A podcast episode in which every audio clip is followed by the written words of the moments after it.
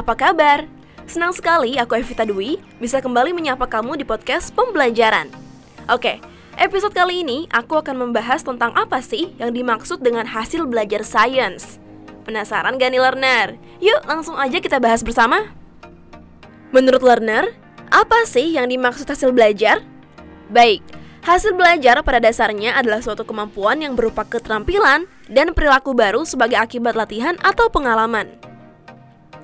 Nah, kalau menurut Gagne dan Briggs, hasil belajar adalah kemampuan yang diperoleh seseorang sesudah mengikuti proses belajar. Gagne dan Briggs juga mengemukakan adanya lima kemampuan yang dapat diperoleh dari hasil belajar loh learner. Apa aja sih? Yang pertama adalah keterampilan intelektual, strategi kognitif, informasi verbal, keterampilan motorik, dan sikap. Enggak hanya itu aja learner, Bloom juga membagi hasil belajar ke dalam tiga ranah, yaitu kognitif, afektif, dan psikomotorik. Di mana ranah kognitif berkaitan dengan tujuan-tujuan pembelajaran yang berkaitan dengan kemampuan berpikir, mengetahui, dan memecahkan masalah. Lalu, ranah afektif berkaitan dengan tujuan-tujuan yang berhubungan dengan perasaan, emosi, nilai, dan sikap yang menunjukkan penerimaan atau penolakan terhadap sesuatu. Sedangkan ranah psikomotor berkaitan dengan keterampilan motorik, manipulasi bahan atau objek.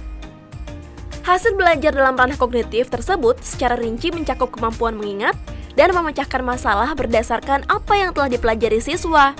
Artinya, hal ini mencakup keterampilan intelektual yang merupakan salah satu tugas dari kegiatan pendidikan yang meliputi pengetahuan, pemahaman, aplikasi, analisis, sintesis, dan evaluasi.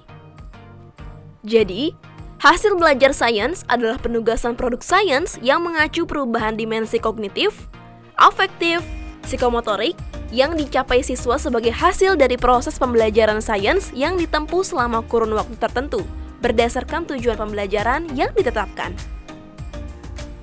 Gimana nih learner?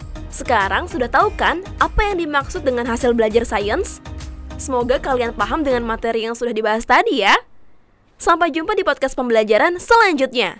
Bye learner!